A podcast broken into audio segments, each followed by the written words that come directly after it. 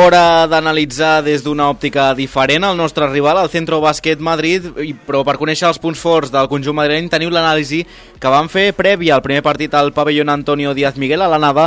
i avui, Jonai, parlarem de per quines opcions passa el Club Bàsquet Tarragona per aconseguir aixecar aquesta eliminatòria les claus perquè ens puguem eh, encetar, si més no, posar la por al cos al conjunt madrileny. És molt important sortir molt endollat des del principi del partit i sobretot assegurar cistelles fàcils i que, que és un, i Case, que són un conjunt jove, doncs que tinguin aquesta moral baixa. Sí, ho van fer, no sé, finalment no sé què és més important, eh? òbviament hem d'aconseguir el que van fer a, a Madrid, que és trencar ràpidament el partit i aconseguir posar nerviós al, al, al conjunt visitant per descentrar-lo, ja vam veure que ells es van venir avall quan anàvem només 7 punts a dalt i jo crec que és molt important trencar aviat el partit, com més aviat millor, perquè ells comencin a enfonsar-se una mica, que fallin aquestes cistelles fàcils i que amb l'afició del Serrallo, sobretot, ho vam dir, ho vam comentar amb la, amb la cap de premsa del, del Centro Bàsquet Madrid, si no m'equivoco, que ells són joves també i que, i que aquestes coses al final també passen factura. No? Jo crec que serà molt important i a partir d'aquí el que hem de fer és el que no vam aconseguir la passada setmana. Si trenquem el partit al primer quart, hem de continuar i hem de conservar aquesta distància tot el que puguem, perquè si aconseguim 7 punts, al darrer quart només necessitarem aixecar 5 més per portar el partit a la pròrroga. Jo crec que això és important, no? Aguantar aquesta diferència que aconseguim aviat, si és que l'aconseguim, per estirar i treballar el partit i fer el partit nostre el, i que jugui el Centre Bàsquet Madrid al nostre ritme, no nosaltres al, al seu ritme. Mm -hmm. Serà una de les closes del partit. Vam veure un equip molt poderós en el rebot ofensiu i una assignatura pendent pel CBT juntament amb les pèrdues de pilota, sí que és cert que no van veure tantes, però n'hi van haver-hi també, però sobretot va ser el rebot ofensiu el que ens va matar. Clar, és molt difícil dir-ho i ja està, però amb l'alçada que té aquest conjunt madrileny, que ja el van veure que en tenia i molta, què haurà de fer Berni Álvarez per poder plantejar, si més no, minimitzar aquest punt fort que té el Centro Bàsquet Madrid, aquesta alçada que molts d'ells superaven els dos metres? Doncs et diria que més que una cosa tàctica que plantegi Berni Álvarez, això és un, més una cosa d'actitud i, i, de, i de mentalitat. Eh, sempre ho, ho, bueno, ho acostumo a explicar i entre els que sabem de, de bàsquet, bueno, sabem, el, els que juguem a bàsquet i així, sabem que per tancar el rebot, al final el que has de fer és, eh, quan hi ha un tir, a buscar el teu atacant, a, a la persona a la que estàs defensant, anar directament a ella i llavors girar-te per tancar el rebot i, eh, i que no el pugui agafar, no? De fet, eh, quan s'entrenen aquestes coses, perquè el rebot s'entrena, en el bàsquet tot s'entrena al final també, eh, quan s'entrena el rebot i s'entrena específicament eh, tancar el rebot, el que es fa és no anar a agafar el rebot, sinó tancar el rebot i que la pilota eh, caigui a terra. Això és senyal de que el rebot s'ha tancat bé i després ja l'agafaràs. Si, si estan tots els jugadors eh, tancats sense opció, ja ho agafaràs. El que va passar és que el Centro Bàsquet Madrid va agafar molt ràpidament les esquenes amb, quan, quan hi havia un tir i clar, els nostres jugadors no podien tancar aquest rebot i ells eh, n'agafaven molts. Repeteixo que això no és una cosa tàctica sinó d'actitud, però el que sí que em preocupa és que potser Berni Álvarez plantegi una defensa en zona que, com he comentat moltes vegades, això provoca que els defensors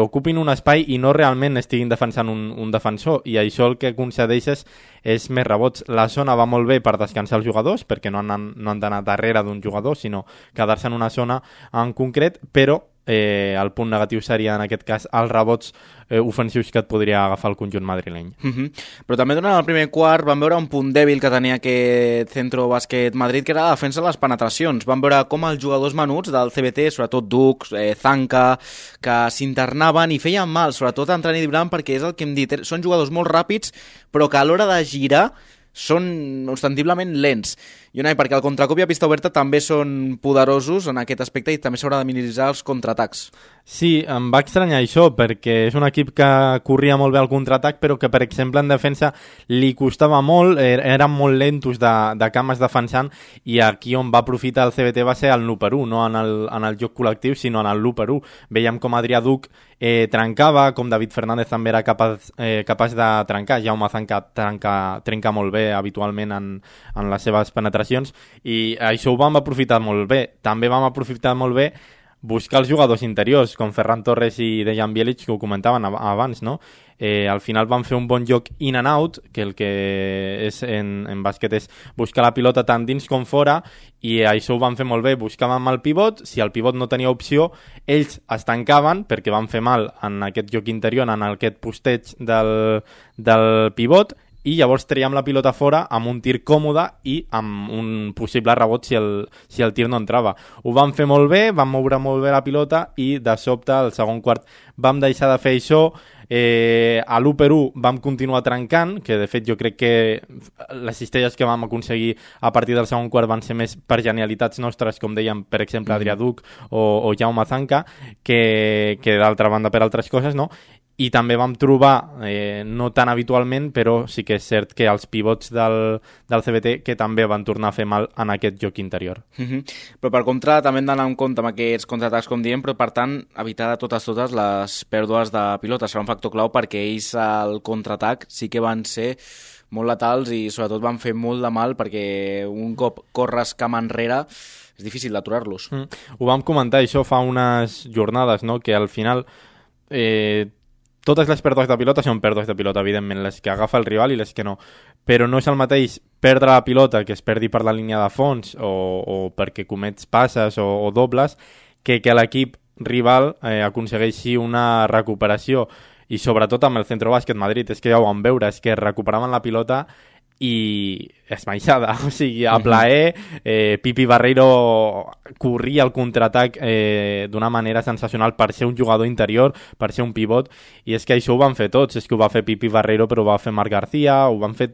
pràcticament tots els jugadors del Centre Bàsquet Madrid, van córrer molt bé al contraatac, i això és el que em preocupa una mica, no? que cada pèrdua de pilota que ells aconsegueixin recuperar sigui un contraatac molt fàcil i al final aquests punts fàcils són els que jo crec que van sostenir també una mica al, al Centro Bàsquet Madrid al, al partit, al primer quart, i després al llarg del partit els va servir per anar trencant el, el marcador. Mm -hmm. Jonai, vam veure un equip molt jove i amb molta empenta que va fer molt mal, però eh, sí que és cert que van veure cistelles que a priori eren molt fàcils de, de notar i per tant aquí també estarà la clau del partit perquè ells tampoc eren gaire bons triplistes en aquest, en aquest cas el CBT sí que tenia, evidentment, bueno, va fer un partidàs, ho vam explicar que aquí allò va ser la generalitat del CBT per no anar tan a sota del marcador però vam veure un equip que sobretot a l'interior fallava cistelles clares, que al final van ser 25 tirs més que van fer sobre nosaltres en el partit, però clar, aquí estarà també una mica la, la clau del partit, no? Sí, si no recordo malament van anotar 4 triples, un 17% en triples, això és un, una dada molt baixa, però en els tirs de camp sí que van estar a prop d'un 48%, algo així. Bé, clar, és que al final vam cedir segones oportunitats a, mm -hmm. a cistella buida, bueno, no estaven defensades, eh, contraatacs fàcils. Vam veure eh, això és l'important, no? Vam veure que després d'anar per sota en el primer quart i després del que van fallar, sí que van baixar una mica aquesta moral, però van saber reaccionar, les cistelles fàcils òbviament no les van continuar fallant i això doncs se'ls va començar a ficar una mica en el partit, no? Jo crec que és important veure com com mastiguem aquest partit en l'àmbit de l'experiència, no? Si tren... el que hem comentat abans, si trenquem ràpidament el partit, els jugadors jo crec que ells no és que desconnectin, però es posaran més neguitosos i no jugues igual amb la pressió de que estàs jugant a Tarragona que, que jugant a casa amb la teva afició que bé, si comets una errada ja estaran per recolzar-te, no? No és el mateix que cometis aquí una errada a Tarragona que et pugui costar dos punts i per tant el CBT ja només està a 10 i per tant ja només està a 8 i comences a pensar, no? L'experiència serà un, un factor fonamental i jo crec que serà una mica batalla d'experiència contra la joventut que, que aporta la velocitat que tenen ells i l'estat físic amb el qual arribaran en aquest partit. Mm -hmm. Aquestes han sigut algunes de les claus del partit. Per quines opcions passa la remuntada del Club Bàsquet Tarragona? Recordem, són 12 punts que han de remuntar el Club Bàsquet Tarragona si vol igualar l'eliminatòria i seran 13 si vol doncs, mm, classificar-se bé, un any més per estar a l'E Plata i per tant conservar la categoria. Recordeu, el partit el podeu seguir íntegre a Radio Ciutat de Tarragona a partir de dos quarts de set de la tarda. A les set de la tarda ens hi posem amb el partit complet d'aquest Club Bàsquet Tarragona, Centro Bàsquet Madrid.